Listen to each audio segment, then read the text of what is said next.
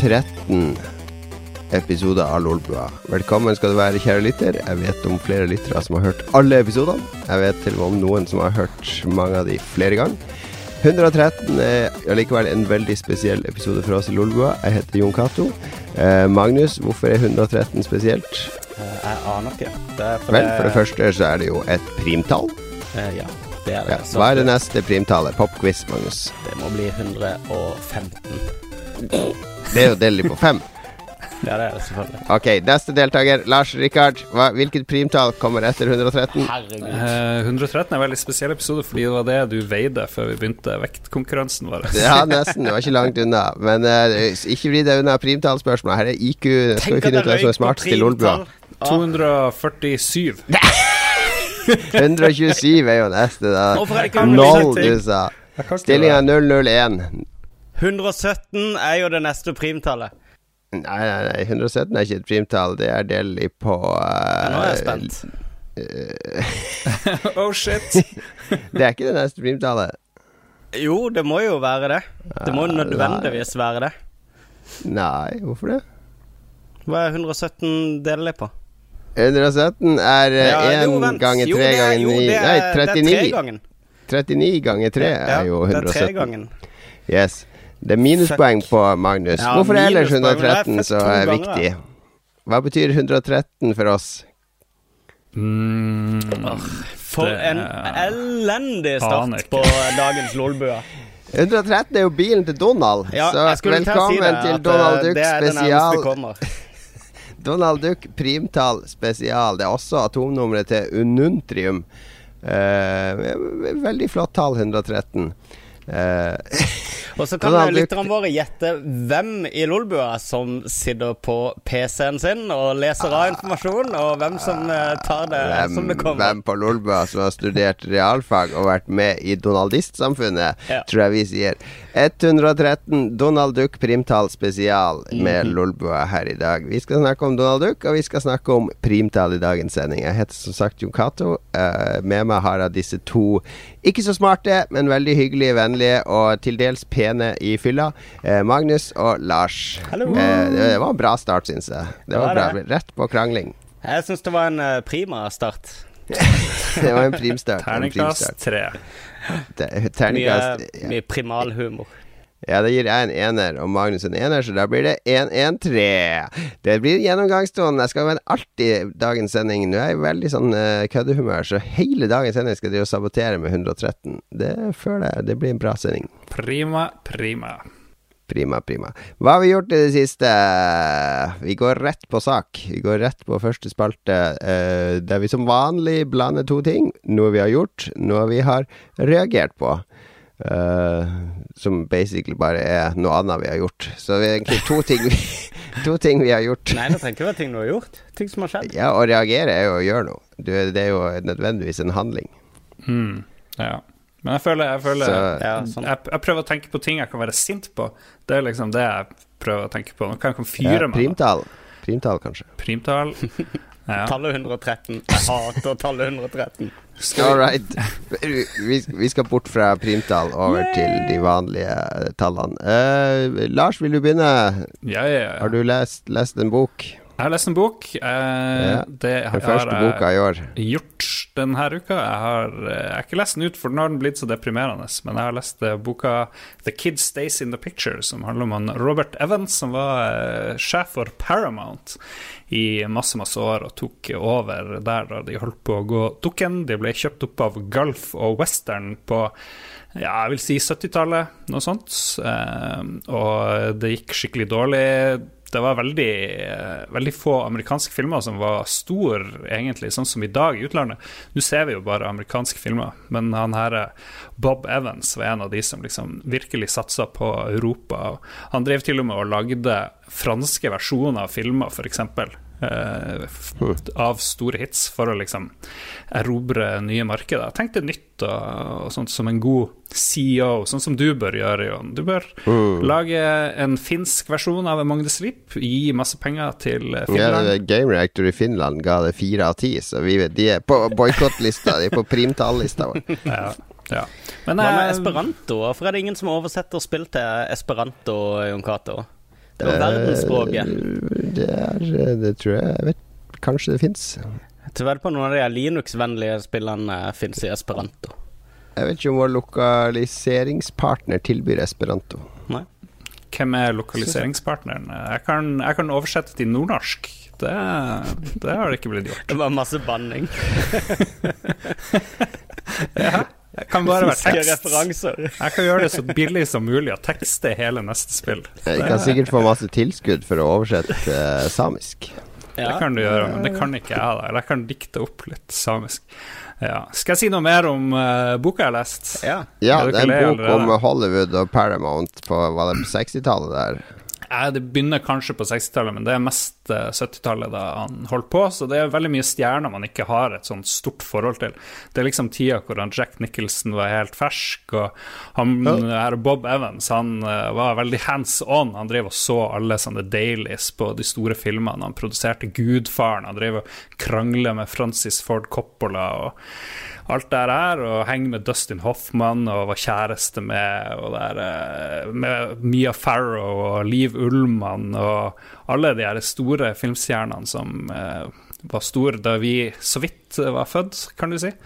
Eh, mye jeg ikke helt får med meg fordi jeg ikke kjenner igjen alle navnene, men det er veldig veldig interessant å høre liksom Hollywood på tida hvor det gikk fra å være den her studiomodellen hvor du eh, leide inn og hadde kontrakter, du hadde sånne her femfilmerskontrakter med stjerner, til Ja. at de ble litt mer sånn frilans og alt det der der. Det var jo en sånn fase der på 70-tallet der de kreative tok over kontrollen. Fordi Mm. studiosystemet leverte ikke det folk ville ha lenger. Ja, det er akkurat det. Så han her eh, Bob Evans han var sånn her eh, fallfotomodell og skuespiller. Han spilte i mye, mye rare filmer. Og så bare ved en ren tilfeldighet så ble han plutselig sjef for hele opplegget. Det er ganske utrolig hvor, hvor, hvordan karrieren til noen kan være. Han hadde ingen økonomisk utdanning eller noe som helst. Han bare var en kreativ fyr som tydeligvis var utrolig flink å snakke for seg og likende. Han var jo venn med absolutt alle i Hollywood en periode der. Og så går det selvfølgelig galt. Han begynner med kokain og alt mulig, og blir busta for det og ting og tang. Så det er omtrent der jeg er nå, da. Og da har jeg vel lest 70% av boka, så da har jeg liksom bare "Æ, Jeg vet ikke om jeg gidder å høre mer. Men eh, nei, Er det ikke Spoiler alert. ja. Er det ikke Jeg savner en sånn gladhistorie der en dude er ganske flink, men aldri får noe til, og så begynner han med kokain, og så klaffer alt. Det blir bra. Ja, han hang med Don Simpson og sånt, og det er jo han der ene Bruckheimer Simpson-karen. Han døde jo av altfor mye drugs. Det var nok en del av eh, pakka der. Men det anbefaler Ja, jeg nettopp. bok. Veldig spennende. jeg ser på Wikipedia-sida til Robert Evans akkurat nå. Vet du hva favorittallet hans var? 113. Ja, Men jeg anbefaler den boka, da, Lars. Ja, absolutt. Absolutt. Selv om den er deprimerende. Ja, Den blir litt deprimerende. Og så skryter han sinnssykt mye av seg sjøl, men etter det jeg har klart å sjekke, så virker det sånn hal halvsant, i hvert fall stort sett, så det han holder på med. Har han skrevet det sjøl? Ja, ja. Selvbiografi? Ja, ja, ordentlig selvbiografi. Jeg, jeg snakket ny, Når jeg var i USA nylig, så snakka jeg med, med en uh, produsent fra Hollywood som var på GDC, og da spurte jeg henne om, uh, om han der eh, For hun snakka om noen sånne agenter og sånn. Og, og så spurte jeg henne om sånne agenter, om han Ari Gold i Entourage var sånn der eh, eh, riktig representasjon av agenter i Hollywood. Det er jo en Og så tenkte hun i sånn to sekunder, så sa Actually, yes. så det var eh, det, det var godt å få det bekreftet. For de som ikke kjenner Ari Gold i Entourage, så er det um, Hun brukte vel ordet shark tank for å beskrive hvordan det var å være agent. Mm. Det var som å svømme i en shark tank, så, så eh, drømmeyrket mitt, kanskje. Ari Gold-figuren er jo direkte inspirert av én person, som er en Ja. sånn der eh, pensjonert agent i Hollywood. Jeg hørte at Ari Behn òg er direkte inspirert av én person. Uh, ja. Mm. Rykter, rykter. Vi skal ikke spre rykter her på Lolbua. Vi har alltid beina godt planta i faktajorda.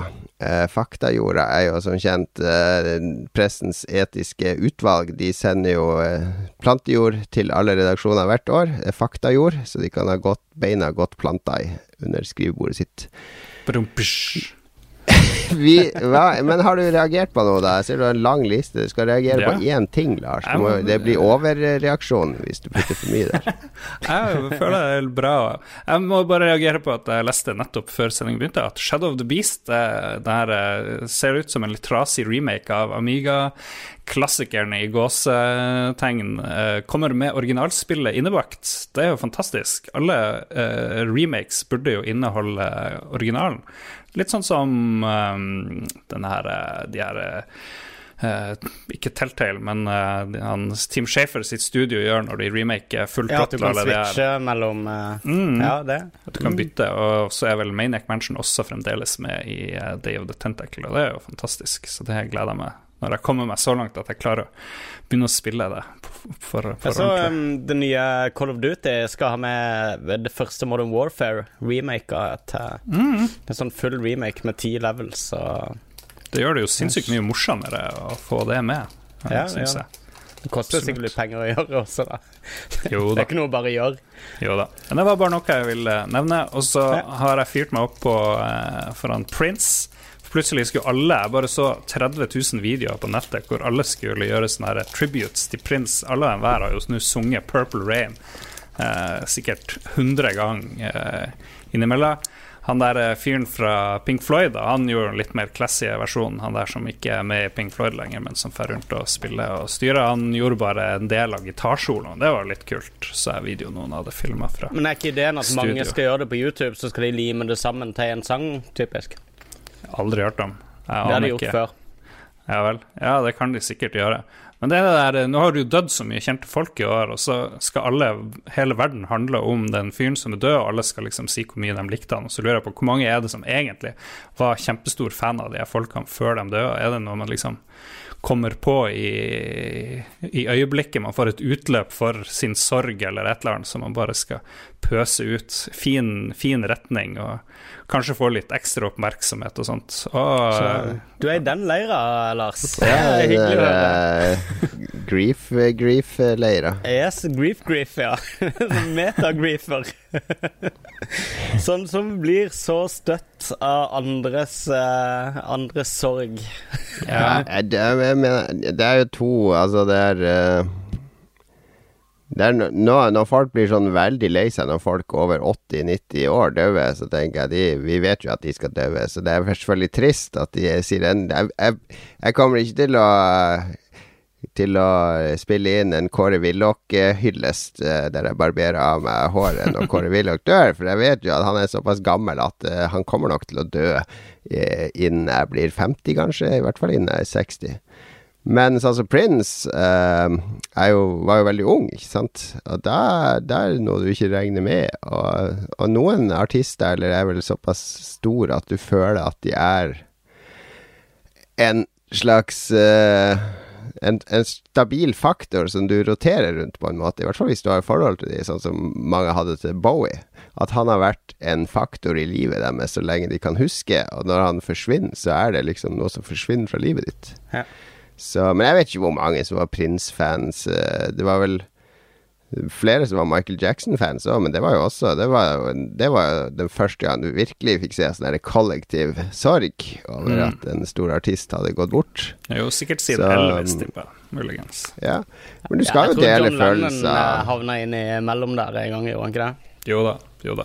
Det har du Og det har jo vært en del eh, de siste årene, har det ikke det? Um, for meg, MCA i Beastie Boys, da han daua, det, var- det, det var veldig kjipt. Det, det Ja, kom det var trist. utrolig brått på. Det var liksom fuckings Beastie Boys, liksom. Det syns jeg ikke skulle skje helt ennå.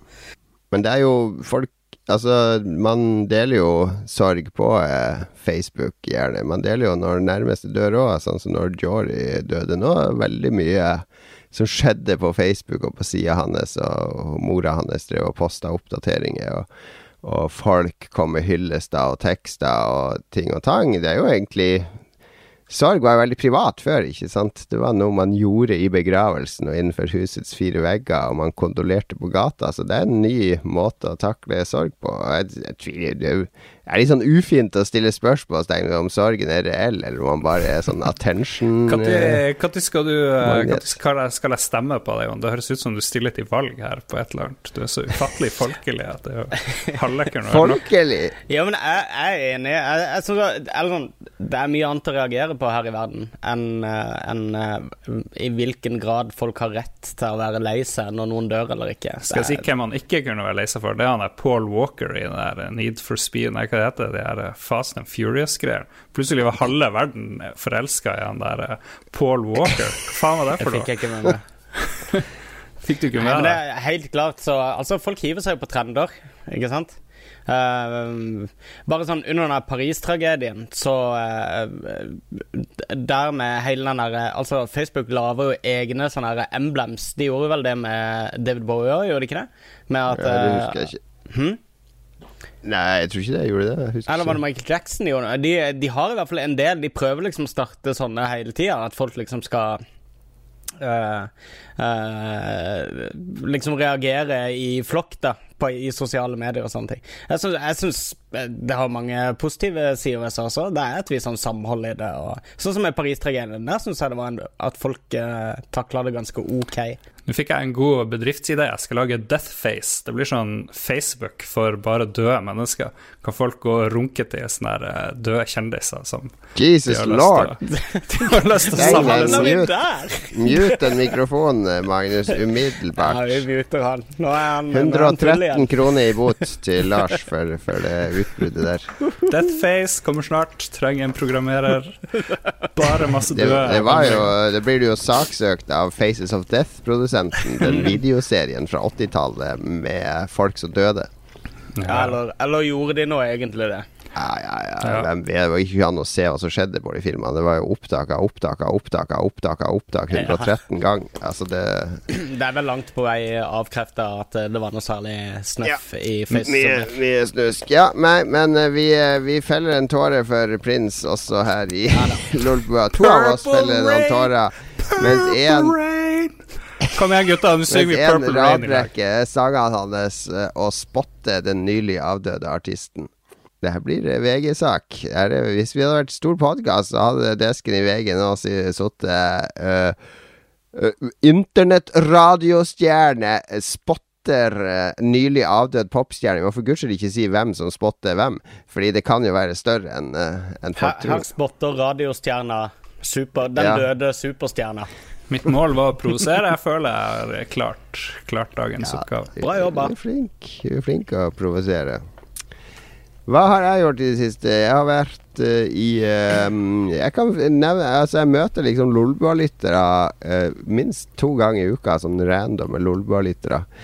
Jeg møtte en rørlegger på T-banen, hei til deg, eh, fra Ekeberg Elektro, som visste meg på telefonen at han hørte på oss. Og så satt jeg på eh, komfortavdelinga til NSB fra Hamar. Jeg møtte en webdesigner som hadde vært oppe i eh, Lillehammer i møte, og som kom for å si hei. Han var på andre gjennomlytting av Lolbua nå, da.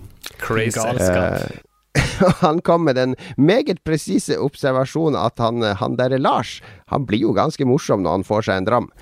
så så det, det var Det kunne jeg samstemme med. Eh, så, så det er veldig hyggelig å møte lyttere, men nå jeg begynner å vurdere om det begynner å bli sånn at jeg må kjøre til jobb. Så at, det- at, at det blir sånn Jeg vil ikke bli sånn Justin Bieber. At det Ja, så mye at det, Du også møter vel lyttere av og til, Magnus, gjør du ikke det?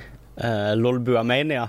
Som, Ja. eh, som fyker over Oslo. Jeg har hatt en del, i hvert fall når jeg er innom på BI, så det er folk som sender meg et sånn anerkjennende blikk som jeg absolutt Mm. ikke kjenner inniblant. Og jeg begynner å mistenke at eh, det kan ha noe med Lolbua å gjøre.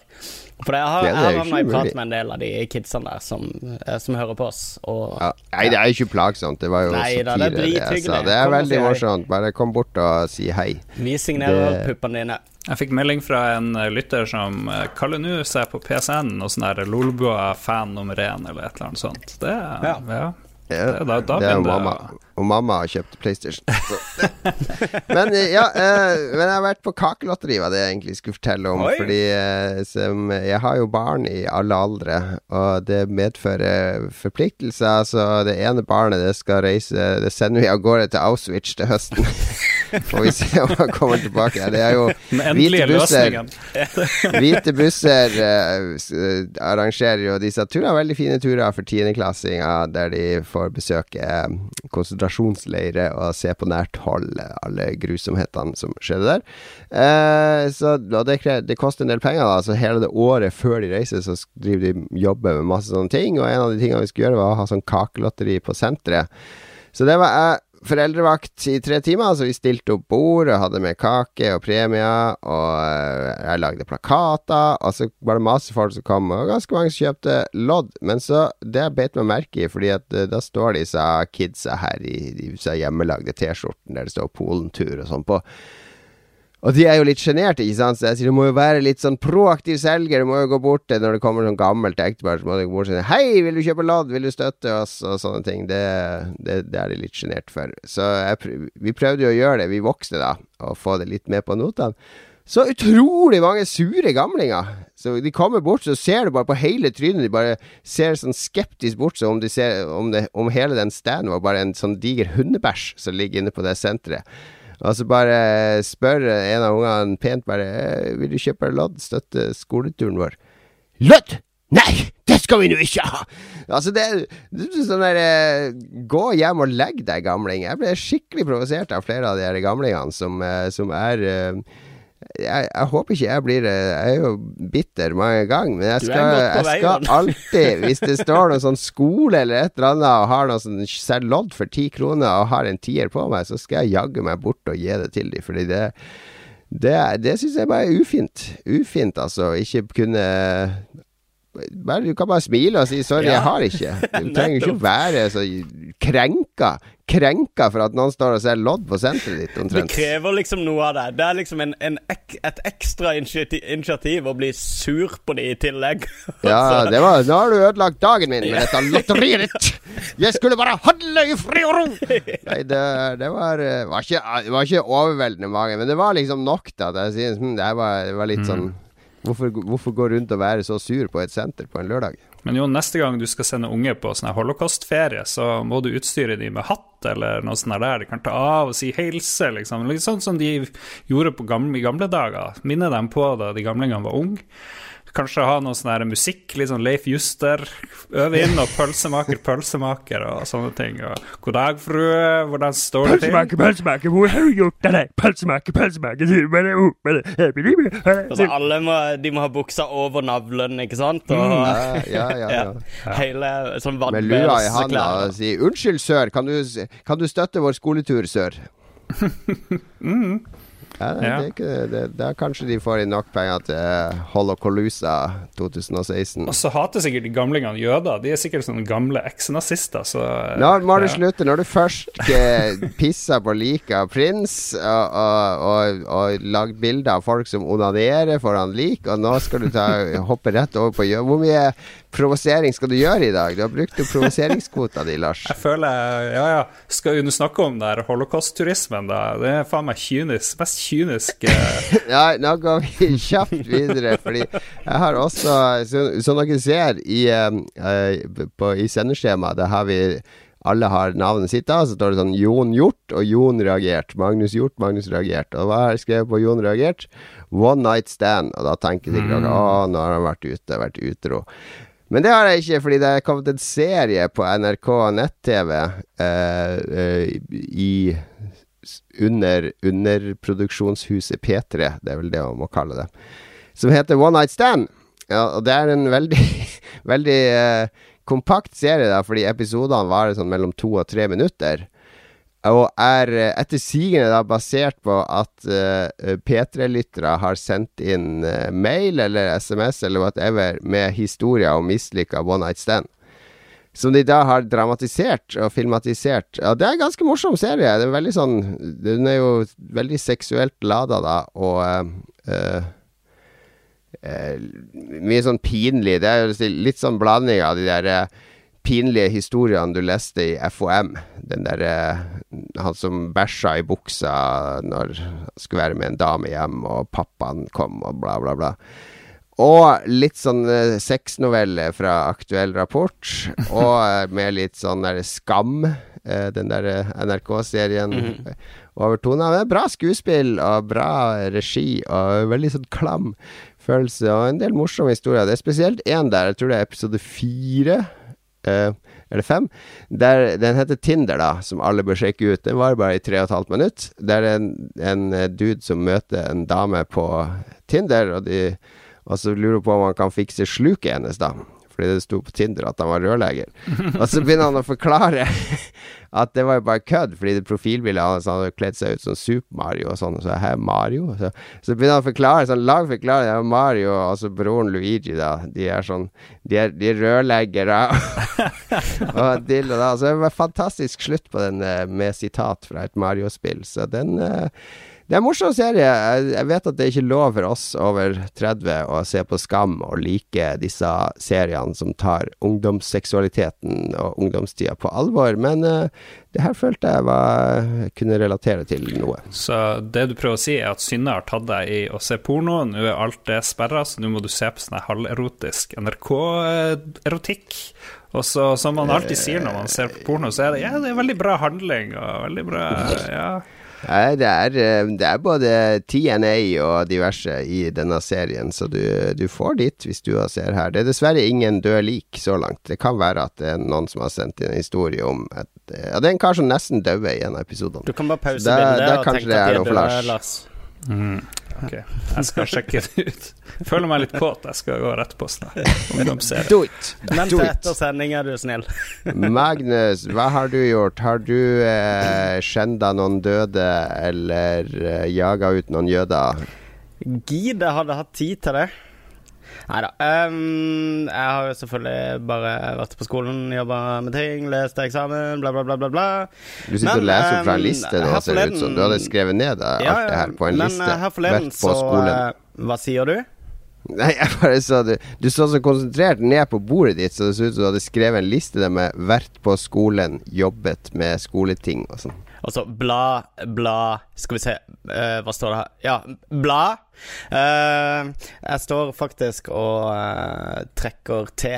Det var det jeg sto konsentrert og fulgte med på her. Um, men um, jeg har sånn Vi har jo begge to pass til Q25, den der Kvartfestivalen i Jon Cato. Og eh, vi har alle tre pass til Øyafestivalen. Så det blir jo snart festivalsommer, massevis av konserter og sånn. Og for å forberede meg til det, så har jeg um, uh, vært uh, hos uh, noen som heter Hantech. Hansen Teknologi, eller et eller annet sånt står det for. Mm. Noe som ligger på Lambertseter. Som, Handtech. som eh, støper eh, egne ørepropper til ørene dine. Um, Og så kan du sette i forskjellige filtre i det. Det som er kult med det, da, er for eh, sånne 15 decibels-filtre.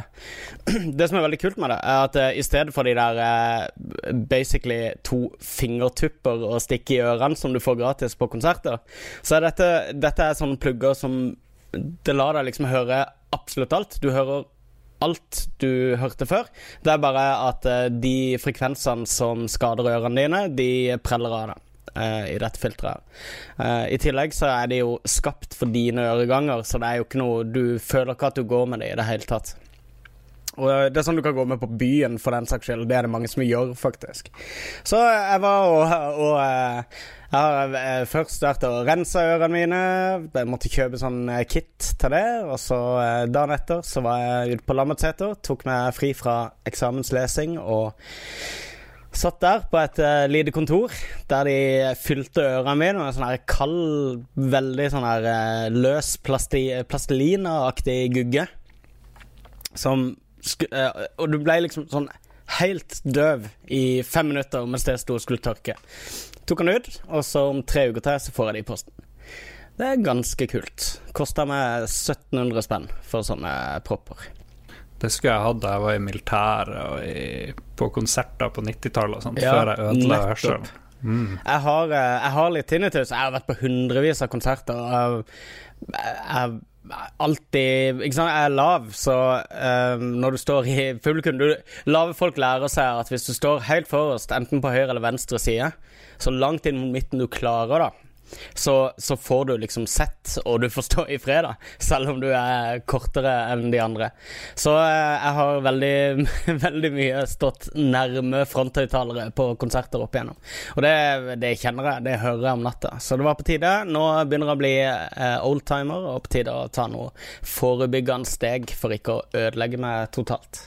Så det anbefaler jeg.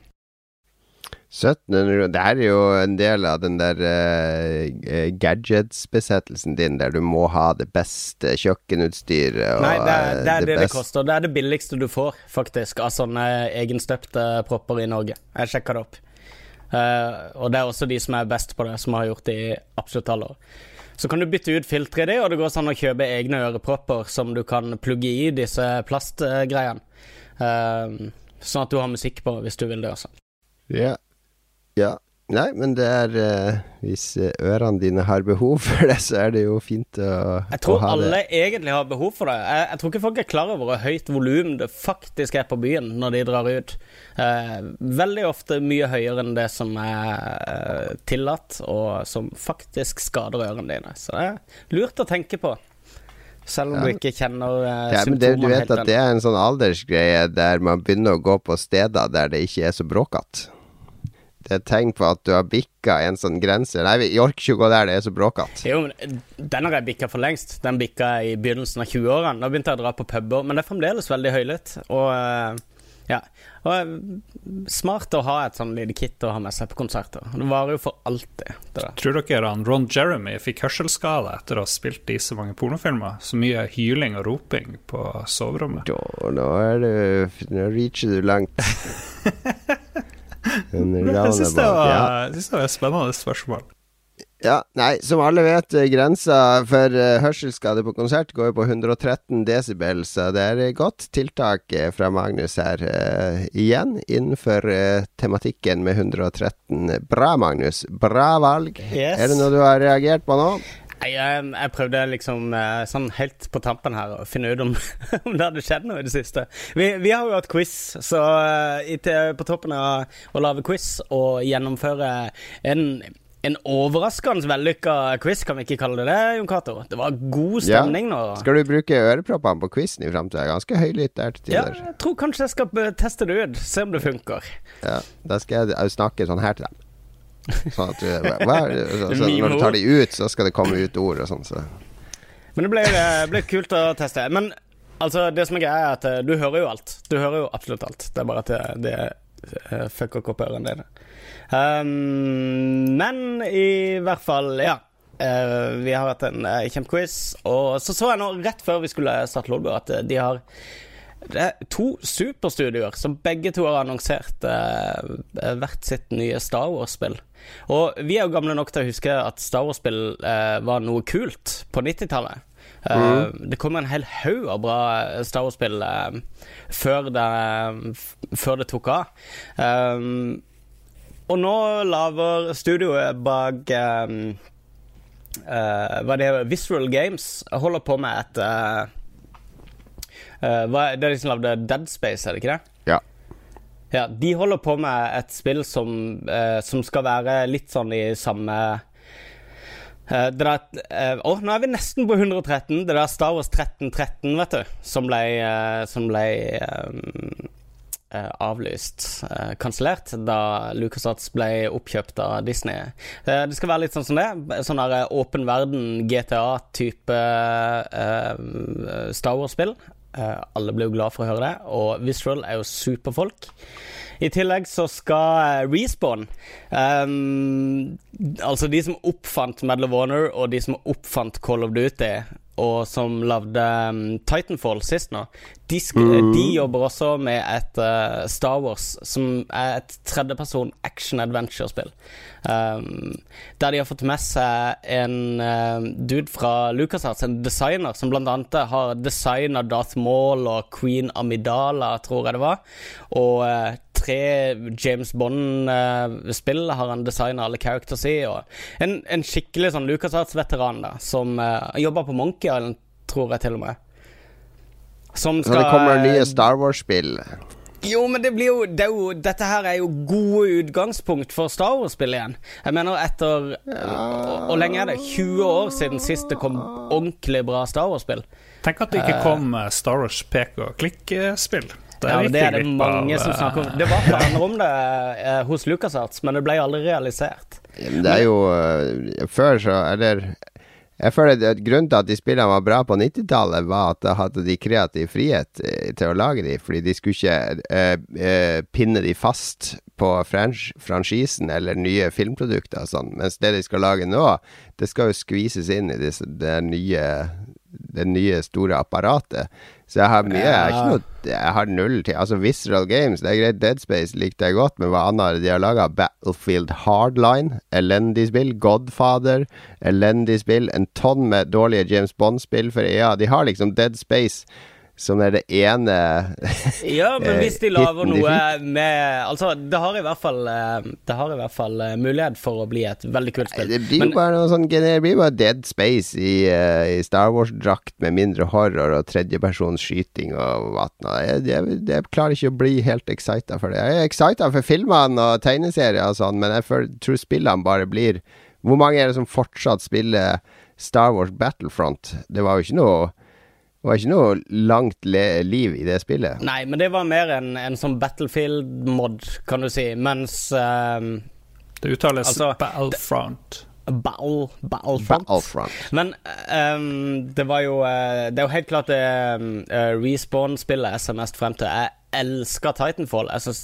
det er så undervurdert som et Ja, eh, Titanfall er dødsbra, men Ja. greia hvis, hvis Disney har bestilt at Respawn skal lage et spill på halvannet år som skal tie inn til Rogue One-filmen Ja. eh, og bruke noe assets derifra Det blir ikke bra. Det ja, kan det er ikke ikke sikkert det er en tie-in. Dette her er tredjeperson action-adventure-spill. Men vet dere hvorfor de blir annonsert i dag, de her spillene? Eller det kommer Fordi ut? det er 4. mai. Det er, Ja, det det er sånn Star Wars-dag. Men er det ikke rart at Mm. de kommer med to annonseringer? Jeg vet ikke om Jo. hvor offisielle de annonseringene var, liksom, men det er jo rart at to spill skal liksom kjempe om Ja, altså, så, så overlapper de bitte grann, kanskje. At uh, begge to virker som tredjeperson uh, actioneventyr. I hvert fall et, sånn, et hint av actioneventyr i begge to. Men det er vel sånn Disney kjører på. De bare Ja, ja, nå skal vi lage 17 Marvel-filmer, og nå skal vi lage 20 Star Wars-filmer. Én hvert Smi eneste år. mens jernet er varmt. Ja. Nei, jeg er ikke like negativ som deg, Jon. Jeg håper det blir bra. Surion Ja, det jeg håper jo det blir bra, men eh, jeg klarer ikke å engasjere Excite. Det blir ikke uh, engage, som de sier i Star Wars. Det gjør de. Absolutt. All right. Star Wars eh, 113 annonsert, altså. Det gleder vi oss stort til. Not. Um, jeg lovte Jostein jeg skulle synge i dag, for det, det, det var det jeg egentlig skulle prate om, kom jeg på nå. At jeg, jeg kjører ikke så mye bil, men noen ganger må jeg kjøre til jobb, og da holder jeg på å ta livet av meg i bilen fordi at eh, jeg blir helt gal av norsk radio, og orker ikke å høre på de CD-ene mine heller. Fordi med en gang jeg kommer ut av Oslo og mister Radio Nova, Radio Rakel, som faktisk spiller bra musikk, så er jeg liksom i nåde til P4 og NRK1 og sånne ting. Og, og det er jo til å ta livet av seg når det gjelder musikk. Så det ender opp med at jeg sitter i bilen og prater med meg sjøl og lager sånne rollefilmer. Jeg burde egentlig spille inn podkast i bilen, sånn solopodkast, kjøre til jobb hver dag. Da hadde jeg kunnet lage fem timer podkast i uka, fordi det ler høyt av de tingene jeg finner på, og alle stemmene jeg lager og sånn. Så nå Det det er sikkert gull, alt du gjør der i den bilen. Ja. Alt er gull også, i den bilen. du kan også bruke det til å dele, dele ut til psykologen din. Ja, det kan jeg òg. Men det, det siste jeg gjorde, det var jeg veldig stolt av, fordi da kjørte jeg skulle kjøre til Lillestrøm og ta toget derifra fordi jeg skulle Lang historie. Men eh, halv seks om morgenen kjørte jeg til Lillestrøm, da. Altså på P1 så spiller de av alle ting eh, The Kids med 'Forelska i læreren', som jo er en kul. Den der du, du, du, du, du, Og hun sitter foran meg på første rad. Og så um, tenkte jeg på at Den sangen kunne jo blitt bra da hvis de hadde laget sånn engelsk versjon. Den kunne slått an i England. Og så tenkte jeg på vinyl, da, den TV-serien. For der er jo sønnen til Mick Jagger er jo sånn frontfigur i et av de bandene der som heter uh, Nasty Bits. Nasty Bits. Uh, og han er sånn herlig sånn engelsk uh, about fra. Sånn arbeiderklasse-engelsk, da. Og så sang jeg det refrenget med sånn arbeiderklasse-engelsk, og det ble helt perfekt. Det ble helt perfekt. Uh, fordi det var Det er noe med den leppa og sånt, den fyren. Jeg vet ikke om jeg tør å synge det her nå. Kanskje vi må gjøre det offline. Kom igjen, Jon. You can do it. Hva har du å tape? Fordi hvis du skal si Du må jo være sånn Du må ha sånn punk-attitude når du skal synge på den engelsken der, da. Og da blir det sånn Sky... uh, eh, det, det, Kom igjen. det blir uh, She's in love with the teacher. Oh, in love with that teacher. Oh, she's in love with that teacher, and not in me. Sånn det på det er mye bedre enn det norske, da, hvis du har sånn ordentlig den der Mick Jagger-eske. Veldig bra. Veldig Takk for det. Takk for meg. Det var Takk for vakkert. eh, episode 113. Eh, Vi gjør alltid noe spesielt når det er episode 113, så det er bare å følge med etter denne låten. Det er nemlig en chiptune-versjon av The Kids, 'Forelska i læreren', eller 'She's in love with the teacher'.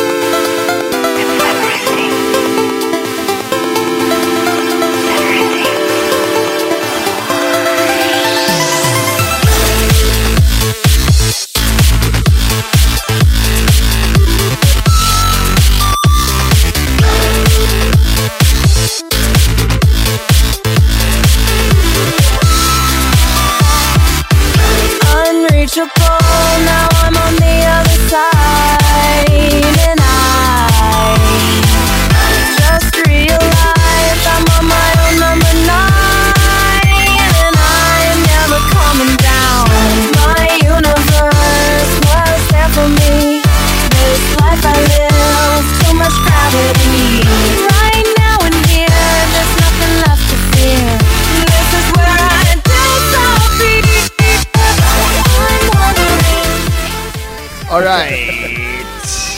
Vi skal snakke om hva vi har spilt i det siste. Spilt. Her har det vært stor dramatikk i kulissene. For det er én i, i Lolbua har fått eh, et spill eh, vi kan, Det står sikkert i den NDA-en at du ikke kan si hva slags spill det er engang. Jeg har ikke lest den så nøye, men jeg har sagt Ja, til det alle og enhver at jeg har Charted 4. Ja, han har Han runda det allerede. To timer jeg brukte han på det. Ganske kort spill. eh, så jeg, for jeg har ikke skrevet under på NDA, så jeg kan si hva jeg vil om det. Skikkelig kort spill. Uh, bruker igjen masse grafikk fra Last of Us. uh, ja. Stemmer ikke det, Lars? Ja, og så har de gjort det om til en sånn eh, RTS, så du styrer Drake med musa eller med pointeren. Gå dit, eh, så man han inn ressurser, og ja, det er mye sånn. Jeg har latt Er det ikke Telltale lage spillet. Aura Ellie også fra Last of Us? Så du skal gå og passe på henne i det strategispillet? Det er kun Drake i, i eh, Last of Us, og så må han gå og samle inn sånne sporer og sånne ja, sjiraffer, jeg vet ikke. Hele konseptet i Uncharted 4 er at han finner ut at det er ikke Francis Drake han er i slekt med, men artisten Drake. Yes. Så han dukker opp midt i spillet som sånn sidekick som synger mens han slåss. Mm. Ja, men du nevnte at det var dramatikk. Var det fordi kun jeg fikk spille denne gangen? Det jo, men det er jo første gang i universet jeg får et spill, og du ikke får det, Jon. I hele Ja, mitt ja, liv så har du fått alt lenger. mulig, og du har fått sånn to måneder før. Og jeg har liksom klagd litt, men med en gang du ikke får et spill, og jeg får et, så er det faen meg krise. Da er det vill Nei, det er ikke noe krise. For det første Eller jo, jeg, hadde, jeg, jeg har et sånn magasin som insisterer på at de vil ha anmeldelser fra meg fortsatt. Jeg har sagt jo, jeg, jeg lager egentlig spillene. Altså, det spiller ingen rolle, fordi du Vi er fornøyd med det de leverer, så fortsett å levere. Så ja, greit, de betaler, så jeg kan gjøre det. Men det er så lang trykketid. Det er jo sånn fire uker trykketid, ikke sant. Så, eh, så jeg prøver å få spill litt tidlig, da, sånn at det er litt ferskvare. Så jeg spurte spesifikt om Uncharted. Så jeg tar det med dobbeltside om det der. Ja, ja, ja, Men nei. Det ble ikke noe Det ble, ble viktigere å få det i Gratangen-tidene enn i riksdekkende media. Det er Det er, viktig. men da, da går jeg bare Jeg skrev om et annet spill i stedet, men det betyr bare at da kommer jeg ikke til å spille Uncharted. Fordi at uh, personlig så Uncharted 3 syns jeg var ganske kjedelig. Jeg tror jeg ga den en treer i sin tid. Nei, Det det. var liksom Nå har de brukt opp konseptet. Finn på noe nytt. Kanskje finner de på noe nytt i fireren, det vet jeg ikke. Men som personlig har jeg ikke noe interesse av det. Og hvis jeg må kjøpe det, så gidder jeg i hvert fall ikke. Da har jeg andre spill jeg heller bruker penger på.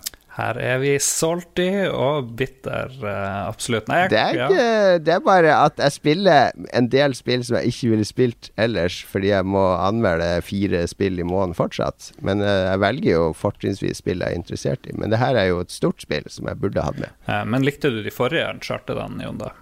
Jeg likte det første, det andre falt av sånn halvveis uti, fordi det ble for mye dekningsbasert eh, middelmådig skyting. Eh, og det tredje, det pinte jeg meg gjennom, men jeg syns egentlig at jeg hadde ikke noen nye ideer å by på. Men jeg var veldig glad i Last of Us, så hvis det ligner mer på Last of Us enn Uncharted, så og hvis det er mye mer dynamiske kamper med en AI du kan leke med, og forskjellige approacher til uh, områder der det er fiender, så blir jeg glad. Ja. Nå er det bare en uh, Du skal bare tegne kart, er det ikke det? Uncharted. At, uh, ja. Nei, vi kan jeg kan dessverre ikke si noe, ut for det er sånn her uh, Mot at jeg fikk spille tidlig, så kan jeg ikke si noe før i morgen, når vi tar det her opp. Men jeg drev lurte, skal jeg spille inn noe alene? Jeg vet ikke om jeg gidder etterpå, så liksom kliv, klistre det på slutten av podkasten. Er det stor, stort ønske i resten av redaksjonen? Dere er fullstendig Neste uke kan vi kanskje krangle litt om spillet. Eh, jeg har sannsynligvis spilt det, da. Mm. Sannsynligvis, kanskje, muligens. Ja. Eh, men eh, det er helt likegyldig for meg. Skal jeg si hva jeg Du har får spilt? Ja. Uh, Eller Lars har kanskje spilt noe annet òg. Oh, ja, har du spilt mer, Lars? Jeg, ble, jeg har eh, spilt masse eh, Division som vanlig, begynner å bli litt lei. Og så må jeg jo anmelde et uh, mobilspill i uka, så da blir det det helt nye spillet fra Rovio, det er Angry Birds-folkene. Som nå har Angry Birds Action, og jeg føler at de begynner å skrape langt ned i tønna etter gode Angry Birds-ideer. For nå er det sånn flipperaktig, hvor du drar en fugl opp fra bunnen av skjermen, og så skal han sprette rundt på en sånn flipperaktig skjerm, uten at det er ekte flipperspill. For ikke, det er ikke noen flippere, du bare sender den av gårde, og så får nå fuglen stoppe når den mister fart. Og det er så utrolig kjedelig. Jeg klarer ikke å spille mer enn fem minutter. Jeg spiller eh, sånn med vilje. Da. Jeg må jo tvinge meg gjennom å spille litt mer, siden jeg skal skrive om det. nå leste du opp uh, Uncharted-anmeldelsen din. Det har tatt jeg glemte det. Nei, det er, det er ikke noe flipper i Uncharted. Men det, faen heller. Jeg skjønner ikke det Rovio. De lagde jo veldig bra Jeg syns de var konge, de her første Angry Birds-tingene. Jeg syns jo det var veldig gøy. Og så kom der Bad Piggies, som òg var kjempe, kjempebra. Hvor du liksom skulle lage fartøy og sånn biler du kunne fly med, eller helikopter. og du fikk alle delene. Akkurat sånn som det er eh, Banjo Kazooie Nuts and Bolts, eller ikke akkurat likt, men litt sånn som det. Kjempebra. Og så har det bare gått nedover, føler jeg, for de her eh, finlenderne. Men, eh, men spilte du de 48 møkkaspillene Rovio lagde før Angry Birds? No, no. Nei, du vet at de, de lagde spill i mange år før Angry Birds. Og Angry Birds det var sånn lykketreff. Mm. Det var sånn helt random. De var i ferd med å legge ned studioet når de lagde Angry Birds. De traff godt der, da. Ja, Men de har vel samme businesskonsept nå som Supercell. Eh, s- De finnene der, de lager jo eh, sånn 100 spill i året, og så gir de ut to av de. Eh, så de lager nesten ferdig De tar og lager masse, masse prototyper som de da tester på folk, eh, store grupper, og så vraker de nådeløst alt som ikke kan tjene minst to millioner euro i omsetning i døgnet. Da, da, er da går de ikke videre med det. What? Så Så de kaster ja, er- en neve med dartpiler mot blinken og ja, håper ja, at ja, en det er, det er helt vilt, det der utviklingsmiljøet i Finland rundt mobilspill der. Så det er uh, skrekkhistorier for noen, eh, gledeshistorier for andre, sånne som meg og Vince McMahon. Så sånn, eh, sånn er det. Yep, Ja, nei, men det, det får være nok med fra hva jeg har spilt. All right. Har du Kan du si noe om uh, overklokka? Hjelper det å overklokke overklokka PC når du spiller Overwatch? Um, det er jo det kule da med Blizzard-spillet, at eh, de trenger ikke sånn superduper muskler for å kjøre ganske smooth. Det gjelder vel Ja. alle spillene de sine, nesten. Men hva, hva Um, går eh, Hvorfor heter det Overwatch? Det har ikke jeg skjønt. Driver du og overvåker noen, eller? Nei, Overwatch var en tidligere sånn her superheltkoalisjon som uh, okay. fighta en sånn her uh, Ja, fighta bad guys. Før befolkninga gikk imot dem og erklærte de uh, som bad guys, de også. Og så ble de lagt ned. Så nå er det en ny sånn invasjon på gang, og så blir de liksom Så samles Ja. de igjen. Og det er Jeg, har ikke spilt det, så, så jeg, jeg, jeg, jeg, må innrømme jeg er mer ute av det som skjer med spill nå enn jeg var før. Jeg prøver Sånn å følge litt med. Uh, så, så det er sånn online, lagbasert shooter, er det det? Ja, det er jo Altså, det er jo nærliggende å sammenligne med Team Fortress 2. Ja, Eh, nettopp. både Er det veldig i forskjellige veldig sånn- klasser og sånn? Ja, det er klassebasert, eller heltebasert, da, men Ja. For det, i eh, Team Fortress 2 så har du ett knippe med klasser, og that's it. I uh, Overwatch så har du over 20 forskjellige helter som alle har De tilhører forskjellige klasser, men de har helt forskjellige sett med powers, da. Som, Er det sånn powers man må låse opp innad i omgangen, og så nullstilles hver gang, eller? Nei, det er, du har en sånn her eh, superpower som du må bygge opp gjennom å være aktiv i spillet. Ja. Uh, og så har du andre som bare er på cooldown i typisk fem eller to til ti sekunder. Litt Ja, avhengig. ok, altså. Så det er ikke sånn Moba-approach at Nei, eh, du må ingen aktivere powerne Nei, og det er heller ingen uh, Altså eh, noen av missionsene er typisk at du skal dytte en bil gjennom et brett. da Ja, det er oppdrag òg. ja, altså du har sånne objectives, eller holde et punkt så og så lenge. Dytte en bil, er det fordi de har fått motorstopp? Ja, Hva er, hva er, det er hva er historien derfor. historien bak?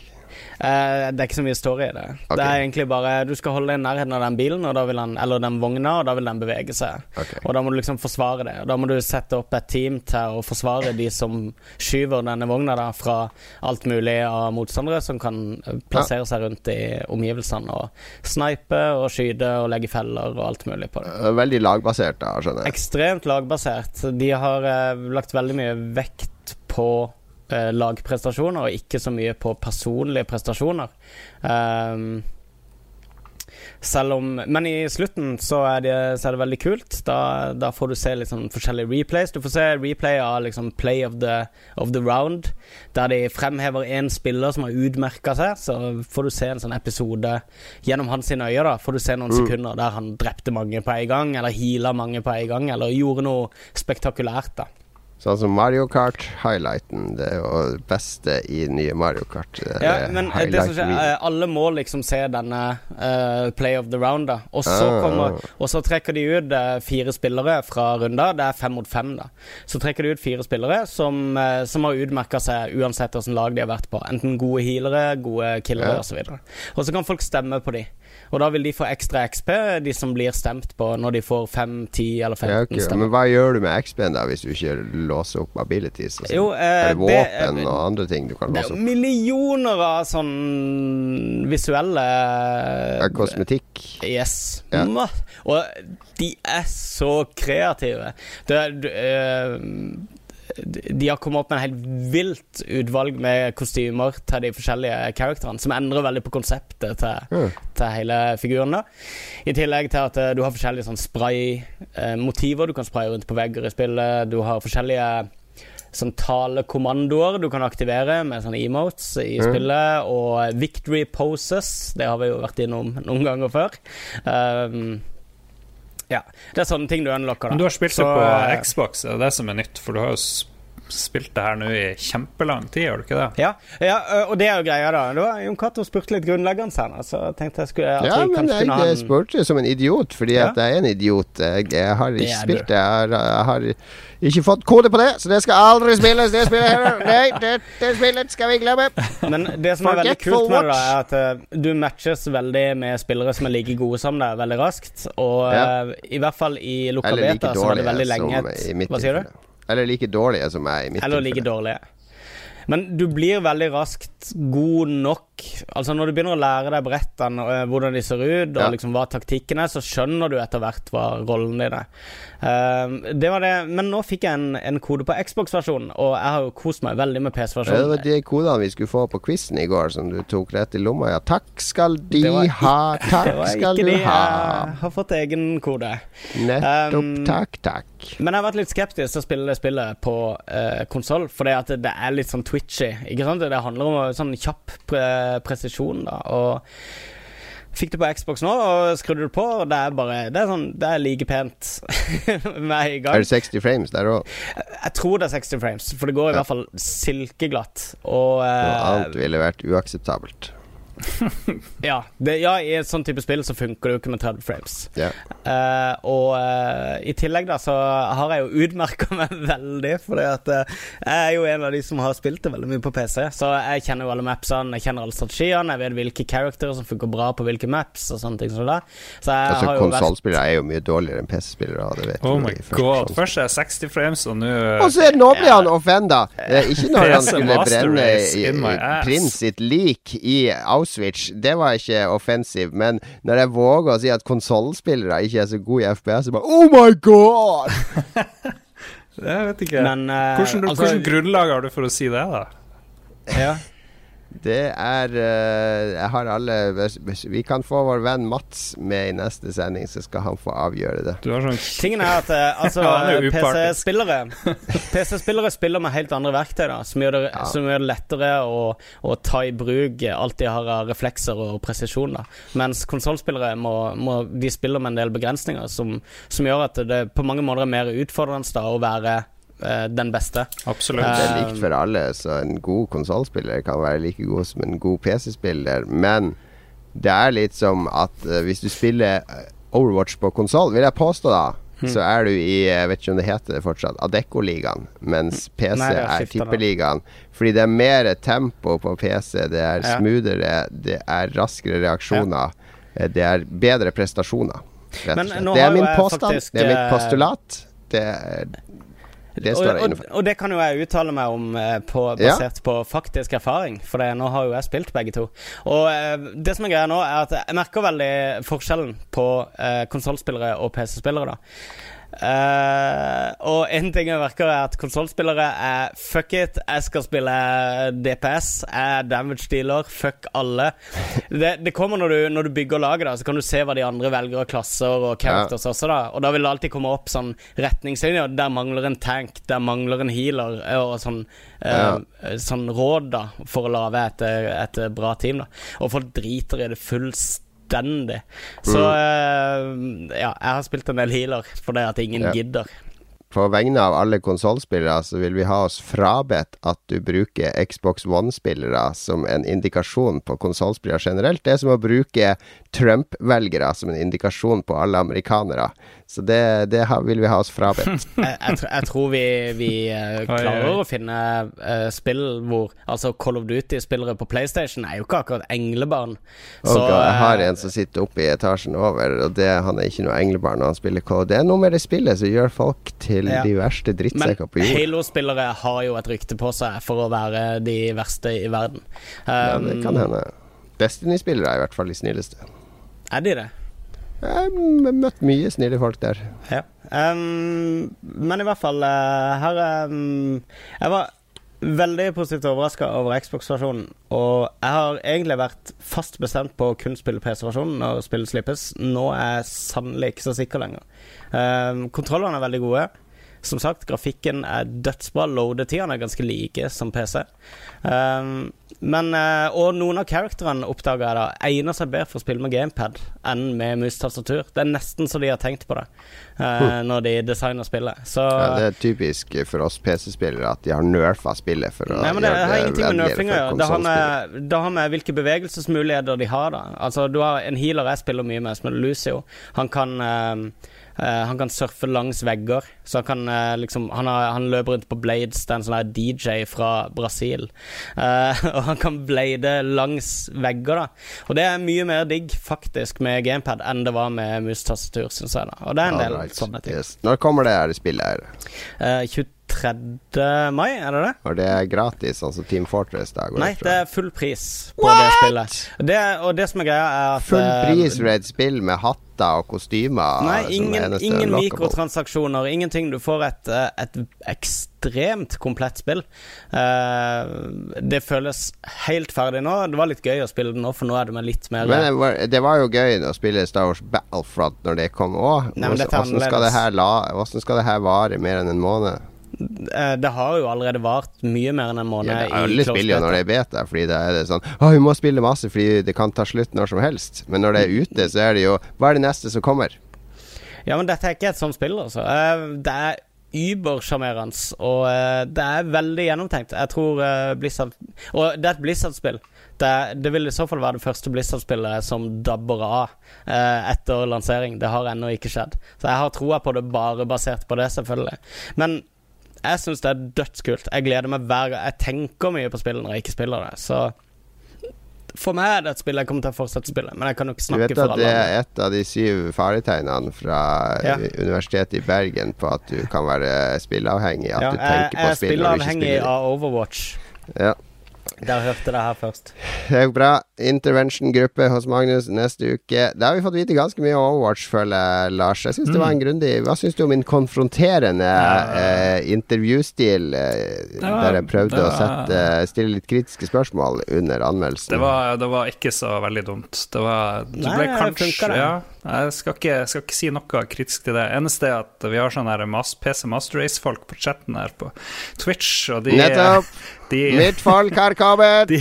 Hyll, hyll maskinen! CPU-en, hyll CPU-en! Jeg ser at noen eh, trodde jeg sa at det var bedre med gamepad enn med mus og tastatur. Og tro meg Hei, jeg tør- gafler. Han bor i gamlebyen. Ta, gå opp forbi Dyvekes bro. En Yes. sti rett opp. Du kan snipe meg når jeg går over Dyvekes bro på ja, morgenen. Men sa du ikke at det Tingen var er at, bedre eh, med keyboard? Nei, med mu... Altså, det er soleklart eh, Du har mye høyere eh, pres eh, presisjon, du har eh, m- eh, raskere reflekser. Alt dette her har du med mus og tastatur. Men noen av kontroll Eller noen av characterene i spillet er kontrollervennlige. Og det er en helt annen måte å spille på eh, på konsoll. Og det funker overraskende bra, men selvsagt hvis du er en PC-spiller, så vil du jo like PC-versjonen best. Ja, det tror jeg vi eh, tror jeg, Hvis du først har brukt 25 000 på en PC, så setter du deg ikke ned og spiller noe på en Xbox hvis du kan spille det på PC-en din. Det er noe psykologisk der. Ja, jeg er vel en av de som, som kan finne på å gjøre noe sånt. Ja, men du er ikke normal. Du er ikke normal. ikke normal.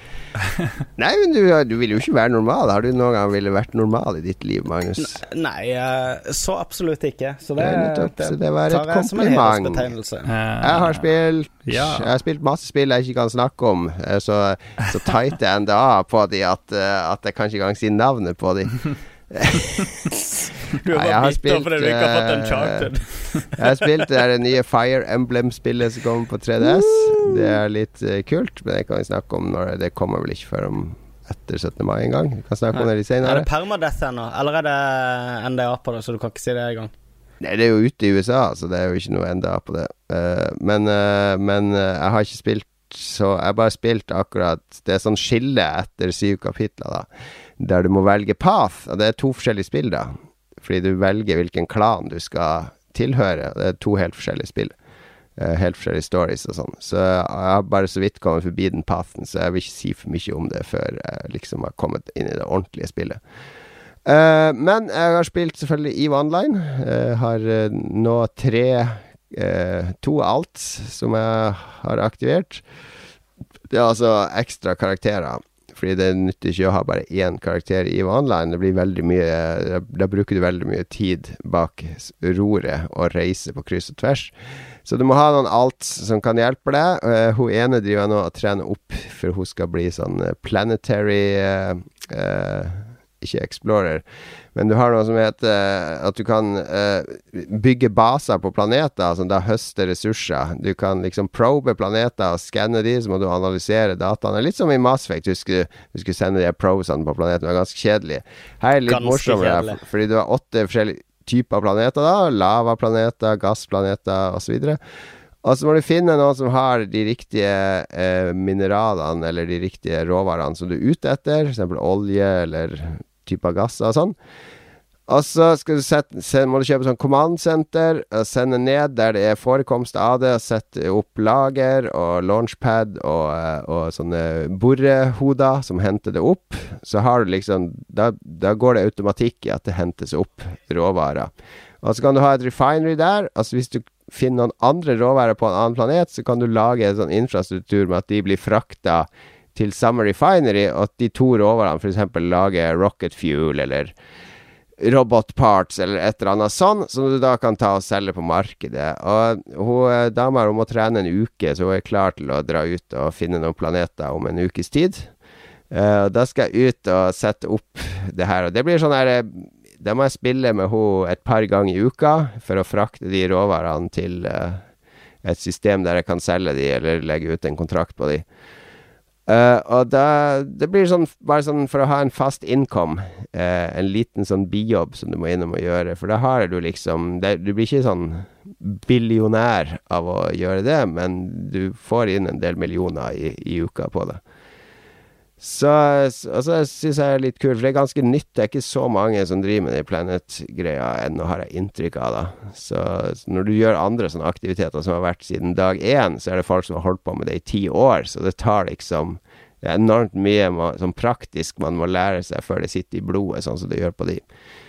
Men eh, kan Eh. dele karakterene dine penger, da? Eh, Funker det, eller? Ja, kan sende, de kan sende penger til hverandre. Det eneste du kan sende sånn umiddelbart. Det er akkurat som nettbank. Men hvis du eksempel Den ene karakteren eh, har eh, et skip som jeg vil gi til den andre karakteren, så må det fraktes. Og da kan du Da kan jeg ut, utlyse at jeg trenger å få frakta det, da, og så betale noen for å gjøre det som har Det er folk som lever av å frakte ting der. Det er ganske risikabelt å frakte ting, for du kan bli overfalt av gankere og pirater og, og andre. Så du må Å frakte dyre ting, det er du ofte to stykk, da. Du har en sånn scout som hopper foran deg for å sjekke at området er klart, før du kommer etter med det gigantiske frakteskipet som har milliarder av ja, verdisaker for milliarder inni seg. Så, så det er, det er ett yrke der. Så øh, har jeg to andre karakterer som jeg holder på med. Uh, hun ene skal bli explorer, så hun driver og trener skills. Og så han tredje han jeg spiller med da for å ha litt penger. Han driver og gjør litt sånn solo missions og sånn. Og så driver og leser meg opp på ting hver dag. Det er utrolig mye å lese om det spillet, så når jeg ikke spiller det, så driver jeg og setter meg inn i ting. Så, så har jeg spilt litt med vår venn Frank. Han har jo hatt en konto i ti år, som han har av og på aktivert. Så vi har gjort noe mission sammen, og, og flydd litt sammen, og fått en god del gode tips fra han. Så det er gøy. Det er blitt mitt spill nå. Jeg er ikke lei. Jeg har jo lest at eh, i, eh, i online så er det jo bare sånne her enorme konflikter. Det er sånne store romslag, og så har du også den andre delen, det her diplomatiet. Man driver og skal liksom backstabbe, og man skal rane, og man skal liksom fange og lure andre klaner og sånn. Hvor langt har du kommet i det arbeidet der? Jeg er med i en klan som heter Brave Newbies, som er veldig nybegynnervennlig. Det er ganske mange medlemmer. Det er mange som har spilt der i mange, mange år. Uh, og de, vi er i krig med en del sånne småklaner. Uh, og det er litt risky når jeg driver og flyr rundt med hun som er med der, da. Fordi når du hopper inn i systemet, hvis det er andre skip Du kan se på local-chatten hvilke andre spillere som er der. Da. Hvis de har sånne røde rød, blinkende stjerne foran navnet sitt, så er vi i krig. Og da er det lov å skyte på hverandre. Eh, ja, uansett hvor mye sikkerhet eller politi det er i det systemet. Så jeg har blitt drept et par ganger når jeg bare snubla inn i systemet og ikke kommet meg vekk fort nok før, før de har sett meg. Eh, så det jo, går jo og surrer og går sånn i konflikter, men de store overordna greiene, de er ikke jeg med på ennå. Det tar nok en stund. De som spiller EVE på det nivået, sånn som han eh, han eh, Mitari for i Something Awful, Goon Squad-lederen, de, ja. de tilbringer jo mer tid utenfor spillet enn i spillet. Altså, de Det handler det jo om å snakke med folk på ordentlig og lage propagandavideoer og skrive forsvarstaler på Reddit og og, og pleie forholdene til alle de korporasjonene som er med i alliansen din, osv. Så, videre. så det Er det, er det noe ekte penger liksom å hente i dette sånn endgame for de som bruker hele livet sitt på det? Nei, det er, den eneste regelen i IV er jo at det er ikke lov å selge in game currency for ekte penger. Nei, ikke sant? Så Det er, det, det er ganske kjapp banning der. Og det er ikke så mye Det er ikke noe særlig kinesiske gold farmers og sånne ting. Uh, jeg tror det, det, det er litt for krevende å holde på, og de slår ned på det veldig hardt. Det er jo ikke sånn at det er 100 millioner spillere i EVE, sånn som i World of Warcraft, og umulig å overvåke. Alle er jo på samme server her. Så hvis noen begynner å, kan å selge, ting Ja, men du kan selge karakterene, kan du det? Det tror jeg jeg leste noen uh, ja, du kan det, men det, det er ikke noe poeng i å kjøpe en ti år gammel karakter heller. Hele, du kan jo, selv om han har alle skills du trenger, så kan jo ikke du bruke karakteren for det. Altså, du vet jo ikke åssen du skal spille med han. Du har jo skillene til karakteren, og så har du skillen til deg som spiller. Og karakterene mine går opp i skills, og jeg lærer ting. Det er masse sånn her eh, eh, For eksempel lærte jeg her om dagen Fordi hvis du driver med exploring, som jeg så vidt har begynt med, og hvis du gjør det i sånn lav security-soner, eh, systemer, så er det alltid en fare for at det kommer folk som oppdager det, som driver og skanner systemet, altså andre spillere som kommer og tar det, fordi du får ganske mye verdisak av å drive med exploring, og det er attraktivt å, å rane de, da. Drive med piratvirksomhet på de. Så du må ha høy paranoiafaktor når du driver med det. Og da var det en som fortalte meg et sånt triks, da, at når du varper inn i det systemet der du driver og explorer, kanskje er det fire andre spillere der, så trykker du kontroll A i den lokalchatten, så at alle de spillerne blir markert. Og når det da kommer en ny spiller, så vil han ikke være markert. Så når du bare har et halvt øye mellom lokalchattet, så ser du med en gang det kommer en ny spiller, for da kommer det en spiller, et navn med en annen farge inn der. Det er masse sånne småtriks, sånne småknep for å gi deg en liten ekstra edge, så du kanskje overlever litt lenger. Så det er litt sånn Dark Souls-følelse med at du må skille deg sjøl opp. Jeg er veldig glad for at du har begynt å spille i Online. Jeg syns det er helt konge, Jon. Jeg gleder meg veldig til å høre hvordan det går. Så syns jeg at du skal bli politisk aktiv så snart som mulig, selvfølgelig. Ja, hvis det er noen Lolbua-lyttere som spiller der ute, så kan de uh, hit oss opp på Twitter, så jeg kan legge dere til i spillet, så vi kan eh, chatte litt. Uh, vi kan jo ta det med en gang, da. Vi har jo et eh, brev fra Anders B. Jeg lurer på om jeg kutta navnet hans. Jeg måtte flire litt når jeg hørte Jon Cato fortelle at han spiller EVE. Velkommen etter. Spilte EVE i noen år for ti år siden, og en stund for et par år siden. Eh, Det er det perfekte MMO om man ikke sikter for høyt. Da kan man eh, mine og håle mens man gjør produktive ting. Eh, Produktiv i to verdener, med andre ord. Tror ikke det finnes et bedre MMO med tanker på spillerstyrt spill og PVP. Eh, Jon Cato får gi lyd hvis han trenger noen hundre millioner. Oi, oi, oi. Har garantert Det er småpenger, småpenger i Ja, riktig. Er ikke det et tegn på at økonomien ikke helt har gått som tiltenkt, da? ja, Det er ikke småpenger, men det er noen times arbeid å skaffe. Har garantert mye snacks liggende rundt omkring på karakterene mine. Og angående norske korp, de finnes, men de aller fleste er for hardcore og lite noob-vennlige, dessverre. Eh, nordmenn er ganske kalde sosialt sett med fremmede, påstår han. Anders. Jeg er veldig fornøyd med det korpet jeg er i nå, fordi jeg er inne på Jeg har jo chatten på øret hele tida, flåtechatten, hvor de driver og reiser rundt med flåte i systemet vårt og patruljerer og sånn. Og det er eh, Alle som spør om uansett hvor dumt det er, de får skikkelig gode svar og hyggelige folk og ja.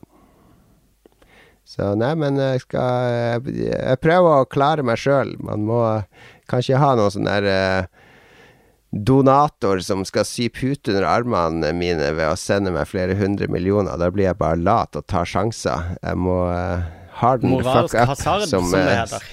Harden the fuck up, som CCP sa i sin uh, berykta musikkvideo for noen år siden. Jøye meg. Pause. Skal vi gå rett over på lytterspalten? Du skal vel spille en låt først, Lars? Hva er det vi får høre nå? Får vi høre uh, a-ha med eh, den der eh, Purple Rain.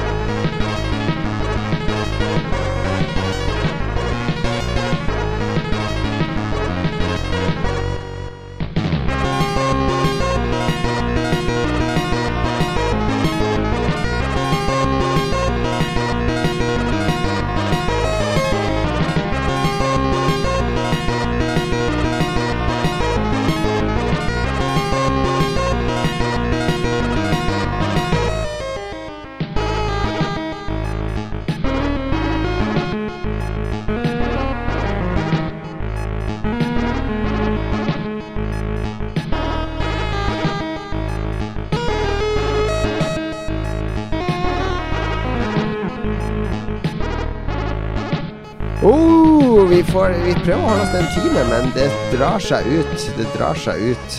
Uh, vi har vært prateglade i dag, og krangleglade. Uh, men vi sikter mot 113 minutter for ukas episode 113. Lars, har vi fått 113 lyttebrev? Ja, 113 delt på pi uh, har vi fått inn i dag. Visste du at 103, hvis du trykker 113 på telefonen din, så kommer du ut eh, sykebil? Nei, Du bestiller sykebil. trodde du kom til Yes. Donald-klubben. Er det noe nytt? Life Jeg skulle komme til Donald-klubben på, hos Egmont hjemme Mortensen. Mm. Hva er Fantomet-klubben? Det vet vi aldri. Skal vi se, vi har lytterspalte, og han Ståle Balvinson åpner ballet. Han sier 'håper dere snakker masse om Uncharted 4 i dag'. Det kan vi ikke gjøre, embargo er i morgen. Så det Vi kan gjøre det, det er bare at en av oss ikke tør. Nettopp. Vi har ei pyse i Ei eh, pyse. Så derfor så gjør vi det ikke. I solidaritet med han, så lar vi være. Han nekter. Ja. Det er siste gang Lars kommer til å snakke om at han har fått et spill før release med embargo. ja det, etter å ha hørt sånn her ti år med Jon Cato fått spill, så ble det bare bråk. Uh, Du ble helt rød på chat-video, jo. Hva som skjedde? Du var jeg har sånn rødt lys i vinduet, det er derfor. Å ja, du jobber. Du gikk Jeg har oppe den røde lampa når jeg vil ha damebesøk, så det er bare dere som dukker opp. Ok, skal vi se. Jon, vi har fått brev fra en eh, god venn av deg. Må du bytte Ja. bort pornoen, for guds skyld. Må du skjerpe deg.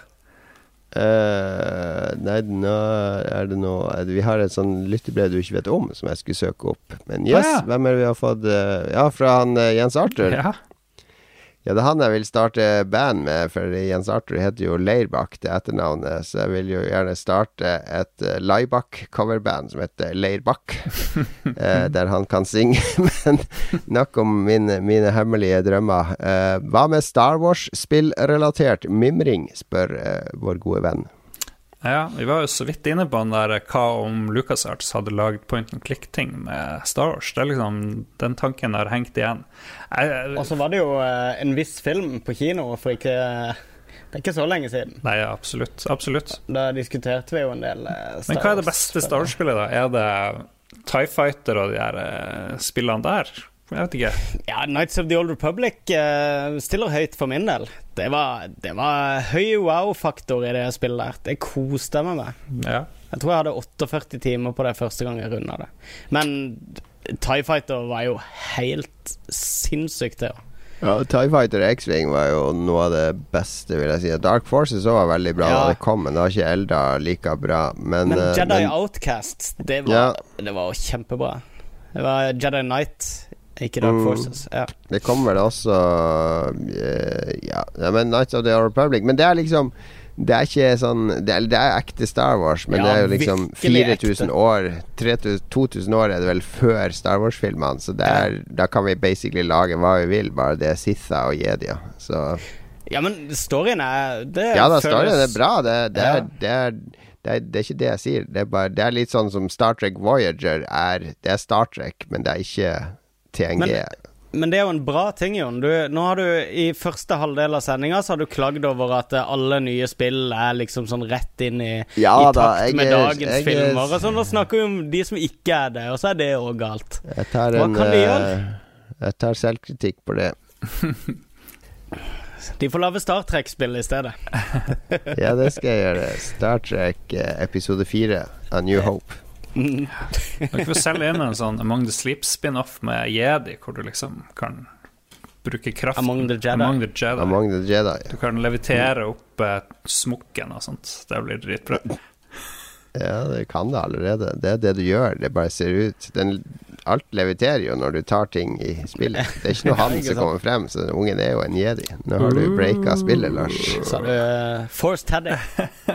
Ja, men eh, vi kan jo godt Eller vi burde jo ha planlagt en Star Wars-sending, men eh, vi har Jeg føler vi har prata ganske mye om Star Wars før, Ja, rundt da. når Battlefront kom i fjor, og vi har vel hatt egen Star Wars-temasending når den første teaseren kom. Vi har i hvert fall en Star Wars-splash, som jeg husker, så vi må jo ha hatt en del Star Wars-tema allerede. Så, men eh, ja.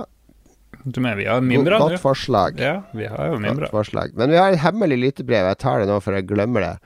Eller det er, det er i vår GroupMe-gruppe, Lars, med, med den eh, harde Lolbua-kjernen som var med til LA, blant annet. Der eh, en snurt, tidligere gjest, vår gode venn Frank, han som har eh, fantastiske livsfilosofier fra hytteturen ofte, som du legger kutullemusikk på, og så føler vi at dystopien tar overhånd.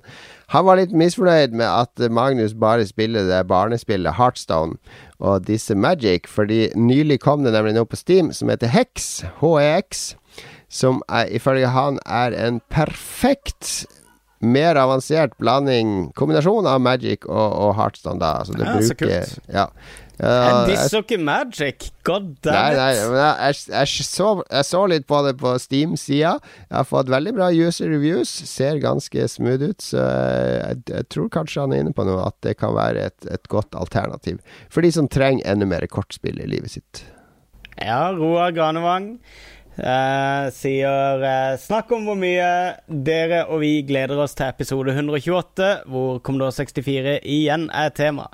Eh, er det Commodore 64 som er tema når eh, det blir episode 128? Dette temaet er egentlig så interessant. Du, nå må du slutte å fucke med teksten mens jeg leser den i mongo. Ja, jeg, skulle bare, jeg skulle bare se om det fantes en størrelse 113 på fondet. Mm. Den er uleselig, så det, vi kan godt ha en sending der vi ikke leser teksten. Ok, snakk om hvor mye dere og vi gleder oss til episode 128, Magnus. Ja, dette temaet er egentlig så interessant at eh, det også burde smitte over på de tre episodene før. Og for at eh, ikke avslutninga skal bli for brå, så er det nok best at episode 129 og 130 har dette som tema også. Ja, så så vi ha eh, fem episoder om Commodore 64? Ja, det er jo fristende. det blir vel om Commodore 128. da. Har, det, har dere mye å si om Commodore 128? Jeg hadde en 128 Det hadde ikke. eh, faktisk eh, et år eller to. Eh, men det var ikke så mye spill til den, da. Det var noen, noen egne utgaver. Kickstart husker jeg kom i sånn egen 128-versjon. Men det minner meg om altså, I helga, altså på lørdag, så drakk jeg litt whisky og ja, fløy litt i Eve. Og så leste jeg litt i Zepp 64 mens jeg drev og fløy der, i min gamle Zepp 64-samling. For det er jo den, de som hørte første Sidbua, de vet jo at jeg baserte hele den episoden på et nummer der, der de hadde lista opp beste musikken. Ti beste låtene. Eh, så jeg leste det første nummeret jeg har av Zepp 64, og så på alle spillene der, så tenkte jeg Fikk jeg en veldig god idé, da. Jeg fikk lyst til å spille alle de spillene de anmeldte i det nummeret, da. For å liksom Det er nærmest du kommer en tidsmaskin til den måneden i 1985, hva er vel det bladet fra? Så jeg lasta ned emulator og fant alle spillene da, mens jeg fløy i. Og så leste jeg liksom anmeldelsen av spillet. Ok, det hørtes kult ut, og så testa jeg spillet. Og i fem minutter, og så leste jeg liksom anmeldelsen litt på nytt. Det holdt jeg på med til halv tre-tida på natta. Eh, Mim, det var masse spill jeg ikke hadde spilt før heller, da. Men det var veldig kult å liksom Det er sikkert noen sånn 40-årskrise der, men å, å reise tilbake i tid på den måten og kunne referere til det her var de reelle inntrykkene av det spillet da det kom. Ja, Ikke ja. sant? Eh, prøve å sette seg inn i den sinnsstem sinnsstemninga og sette pris på De spillene er jo helt forferdelige i dag, mange av de, selv om de fikk topp kritikk da. Men jeg klarte liksom å se forbi det og skjønne hvorfor de på den tida, uten å vite om hva som skjer de neste 25 årene, eh, verdsatte det her som noe skikkelig kult. da Det minner meg om at jeg bruker å lese Playboy fra 1970-tallet, og så søker jeg opp hvordan modellene ser ut i dag, og sammenligne. Det, Og hvis de er døde, da, da blir det tenning. da er det kosestund.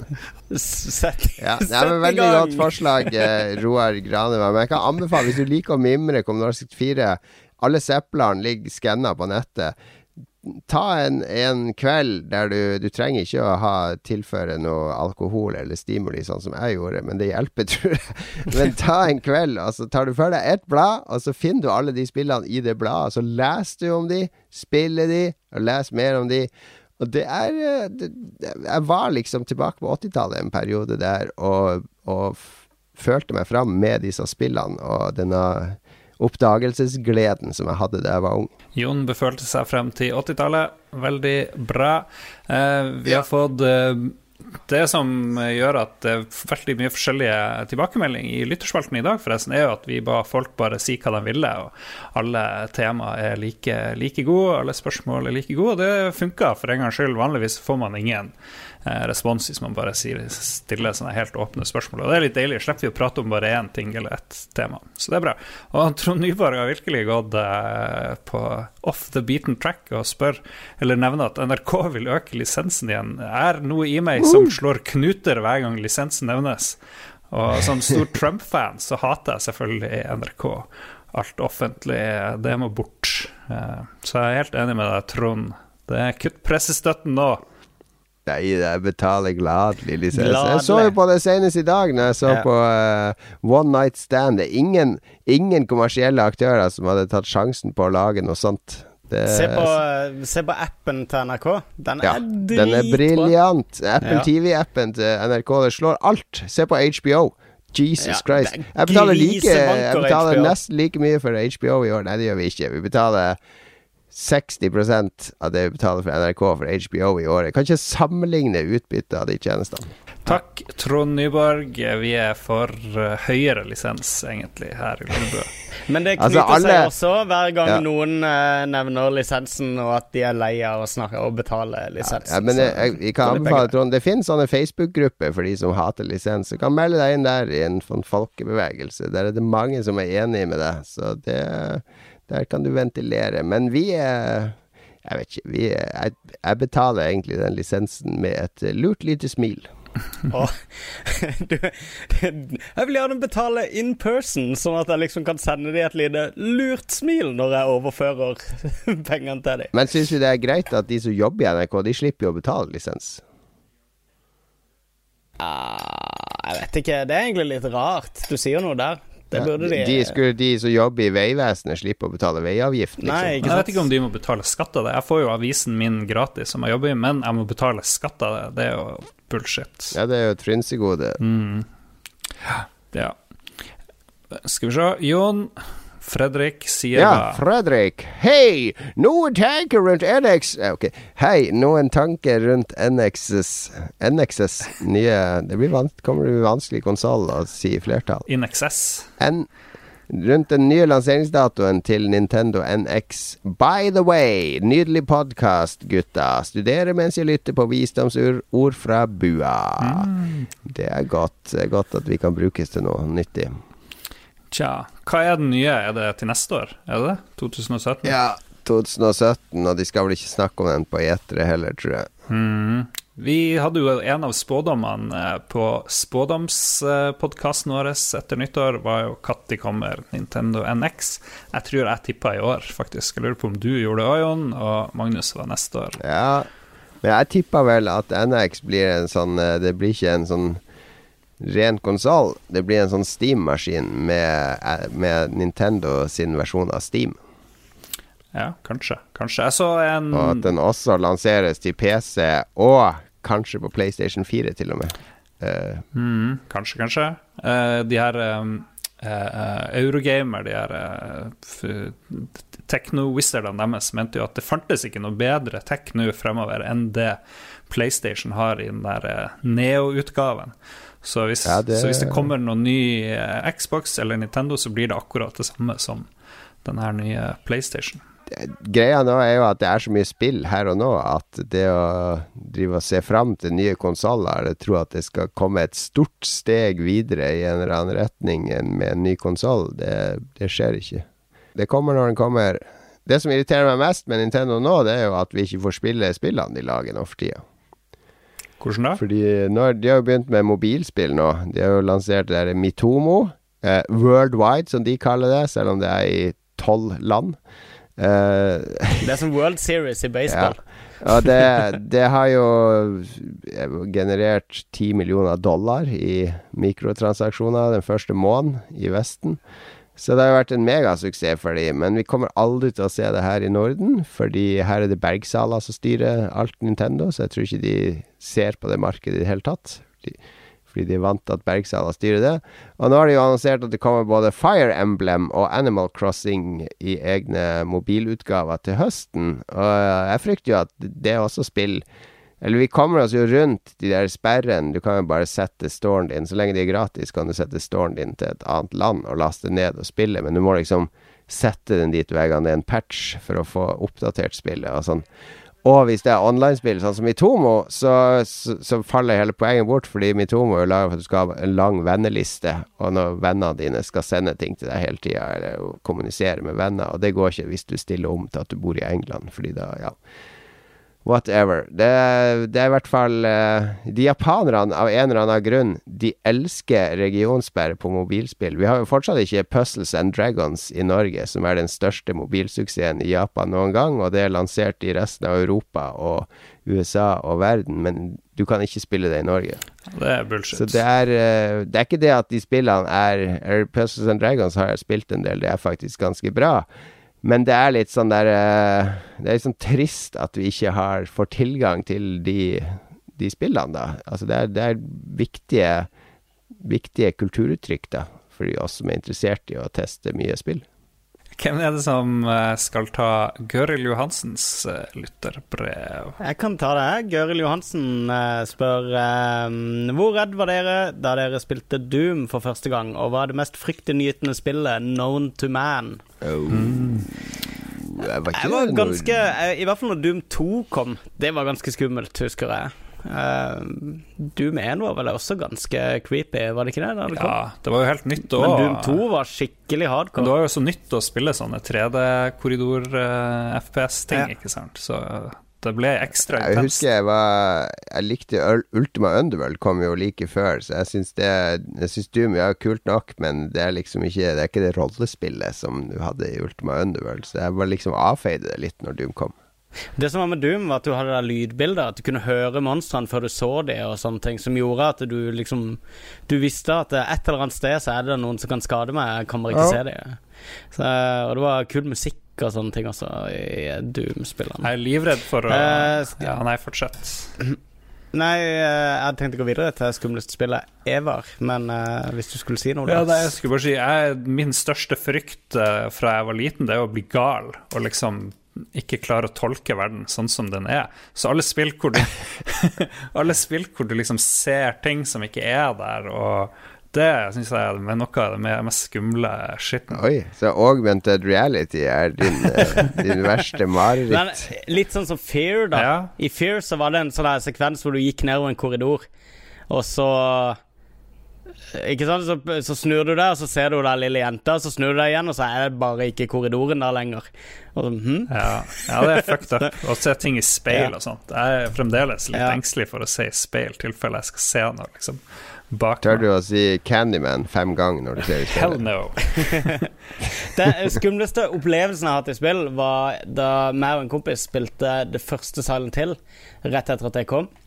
Og det var et sted du skulle krype gjennom en sånn herre Du fant en hemmelig dør på ei sånn skoleklokke. Et sånt, klokketårn da i en, i en eh, skolegård, tror jeg det var. Så finner du en hemmelig dør, så kryper vi inn, og så er det en sånn super underjordisk labyrint inni der. Du må hele tida krype. Krøyp og krøyp og og så etter hvert så følte vi at eh, på et eller annet punkt så hadde vi sannsynligvis snudd 180 grader. For når vi kom ut, så var vi tilbake igjen i skolegården. Så bare ah, fuck. Og så bare ja, vi driter i det. Vi, vi går tilbake og løser noe annet i mellomtida. Så kommer du inn igjen på skolen, og da hadde vi jo selvfølgelig ikke snudd 180 grader. Vi hadde gått gjennom og havna inn i den der eh, helvetesversjonen av verden. Så plutselig var det sånn blod smørt utover veggene, og de der kidsa kom krypende med kniver, og alt var sånn super-evil, og musikken tok helt av, og eh, det er noe det skumleste jeg har opplevd. For det, det var liksom Det var før du visste om Altså, eh, Silent introduserte vel den greia med sånn helvetesdimensjon som bare fucka med med hodet ditt hele tida, med at det fantes en sånn ondere versjon av den samme verdenen. Vi visste ikke hva vi kunne forvente der i det hele tatt. Det var, det var alvorlig skummelt. Mm. Det er det siste ordentlig skumle, Eller ordentlig skumle spillet jeg har spilt. Men jeg ble nesten like redd da jeg satt og så en dude spille PT på Ja, Twitch. fy faen. Det var Det var altfor hardcore for meg. Ja, Det det var skumle, skumle greier. Jeg husker jeg, spille, jeg bodde hos Frank. Jeg kommer alltid tilbake til Frank. meg og en som heter Thomas, som bodde der um, når Fear kom. Og da Frank eh, sin stue er jo en eh, kombinert terminalstue og vanlig stue. Så langs den ene veggen så sto alle maskinene våre der vi satt og spilte. Altså når jeg spilte Fear med hodetelefoner og mørkt langt ut på natta der, det gikk ikke an, rett og slett, fordi du satt med ryggen til resten av stua. Og den var tom når du begynte å spille, men det kunne komme en, en kar, Thomas eller Frank, gående som skulle på kjøkkenet og sånn. Og hvis du satt fokusert på Fear der, og Alma og alt der, og så i periferien en sånn dude som nærmer seg bakfra, så var det hjerteinfarkt. Det der med å sitte med ryggen mot rommet. Det er, eh, det er scary. Det har jeg gjort der òg, på kontoret når jeg har sittet og spilt. Og så kommer eh, kona mi inn døra for å si at nå skal hun legge seg og sånn. Og bare hoppe ut av stolen. Jeg vil se Jeg vil sitte i et hjørne og se utover rommet, ha oversikt når jeg spiller skumle spill. Apropos kona mi, så Konami fucka jo vilt opp da de kutta ut det der eh, PT, da. PT. Fy faen, det hadde jo Ja. blitt så bra. Det var jo Silent Hills. Det var jo, Ja. det var jo ikke PT var jo ikke det. det PT står for uh, Playable teaser. Playable teaser. Men det var jo Silent Hills. Det hadde jo blitt helt på trynet grusomt. Jeg er glad de ikke lagde det, bare for min egen For det, det er et sånt spill som jeg hadde visst jeg hadde blitt tiltrukket av det, for det er farlig, farlig, men, men skadelig, skadelig. Men uh, Men vet du, jeg hadde aldri turt å men spille vet du ikke hvem vi kan takke for at det er så mange sånne skrekkspill nå, ifølge han sjøl, da? Det er PewDiePie. For han drev jo og holdt på med Det var ikke så veldig mange. Han drev og sleit. Han leita vilt etter sånne skumle spill, for han hata de egentlig, og ble redd på ordentlig, og det digga jo folk som så på. Og nå Ja, han har mye kule streamere, det, faktisk. Eh, Så nå Det var en av grunnene til at han spilte jo Among the Sleep, eh, den alfaen. Mm. Det var lett å få han til å spille det. OK, kult. Det var det han var på jakt etter. da Ja, ja, riktig. Absolutt. Juppidup. Ok, vi tar ett spørsmål til, så gir vi oss. Ellers så blir det sånn evighetssending. Vi nærmer oss 113 minutter, nemlig. Eh, Øyvind Doombringer, det er vel vår felles venn uh, Lars. Jeg vil tro det. Han dukka opp her. Hvor blir det av Lamonytt? Har ventet i spenning i Hva står det der? 113. 113 episoder har han venta på Lamonytt. Um, vi kommer kanskje med Lamonytt en gang. Kanskje vi skal prøve å få Lama som gjest i episode 150. Nå er vi på veldig sånn internområde her med Lamo, men uh, vi, vi Men det. tilbake til Lolbua med tre lyttere. Vi sparer det til fremtiden. Vi gjør det. Ta det på hytta. Vi tar resten av spørsmålene neste gang. Tusen takk til alle som har sendt inn. Tusen takk til alle som engasjerer seg på Facebook og på Twitter. Det var en lang episode, men eh, det er fri i morgen. Det er dagen før Hva er det slags fridag i morgen? Er Grodagen, eller eh, er det den dagen Gro dro til himmelen? Gro, Gros himmelfart. himmelfartsdag. Jeg skal opp eh, klokka syv i morgen og lese på eksamen og låse meg inn i kjelleren på BI, for resten av skolen er stengt. Så Det skal jeg gjøre på 17. mai også, så det gleder jeg meg veldig til. Ja, 17. mai. Det er så mye kjas og mas, så det skal skal være glad for. Det blir sikkert sol òg. Ja, for nå kommer våren òg, så nå blir det ekstra deilig å lese på eksamen. I dag begynte det å lysne her nede, Lars. Det skal bli 20 grader til helga. og Hele neste uke er strålende sol og sånn. Det er rullegardiner på lesesalen, Magnus, så det, det går. Nei, det er ikke rullegardiner What? i lesesalen i det hele tatt. Og det er, hele, hele skolen er jo bare fuckings vinduer. Det er jo et svært Oh. glassbygg. Så du sitter gjerne med sola rett på deg i T-skjorte og shorts og svetter fordi det er 30 grader der, så Ja, Du kan ikke ligge i parken og lese. Ja, men det er ikke det er, Du må si du jobber med kalkulator og notater og Ja, masse disse greier. Kalkulator, herregud. Ja. vel. Det Sånn er det å være student. Eh, jeg tar et liv, men det er siste gang. God Ja, damn ja, it, ja. ja. Og juni husk om ti år, når du sitter og uh, sitter med spreadsheetet ditt på, uh, på Preben Tellefsen uh, Mm. sitt regnskapskontor, så tenker du tilbake på den tida på BI, studenttida, beste tida i mitt liv. Jeg ser for meg at jeg sitter i en jobb som ikke har noen ting med økonomiutdannelsen min å gjøre. Står der i spillsjappa. Så eh, ja. Nei da, nå ble det veldig internt her. Takk for at dere hørte på. Eh, Vi kommer igjen neste uke på episode 114. 14, det er ikke et primtall, så da blir det en helt normal episode.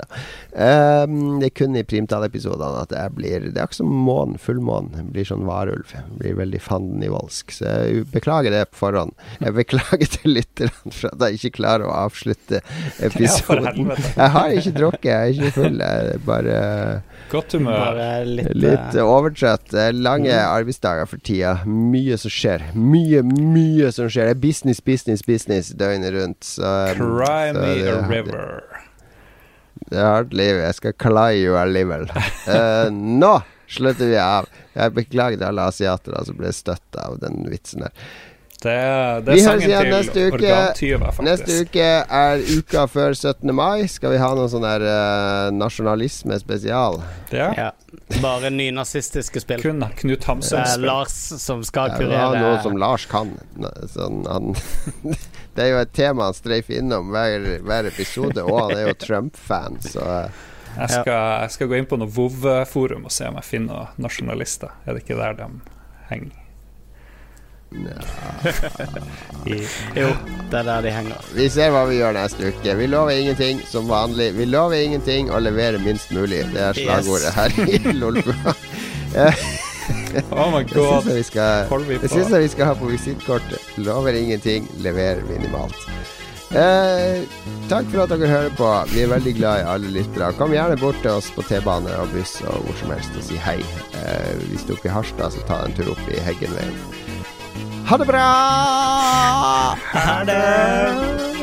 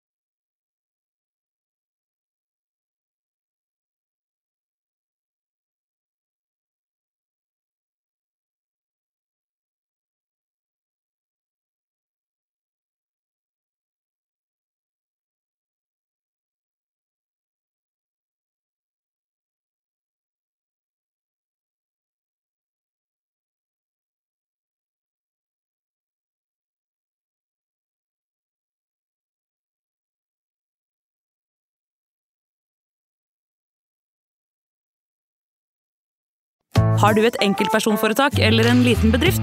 Da er du sikkert lei av å høre meg snakke om hvor enkelt det er med kvitteringer og bilag i fiken, så vi eh, gir oss her, vi. Fordi vi liker enkelt. Fiken superenkelt regnskap.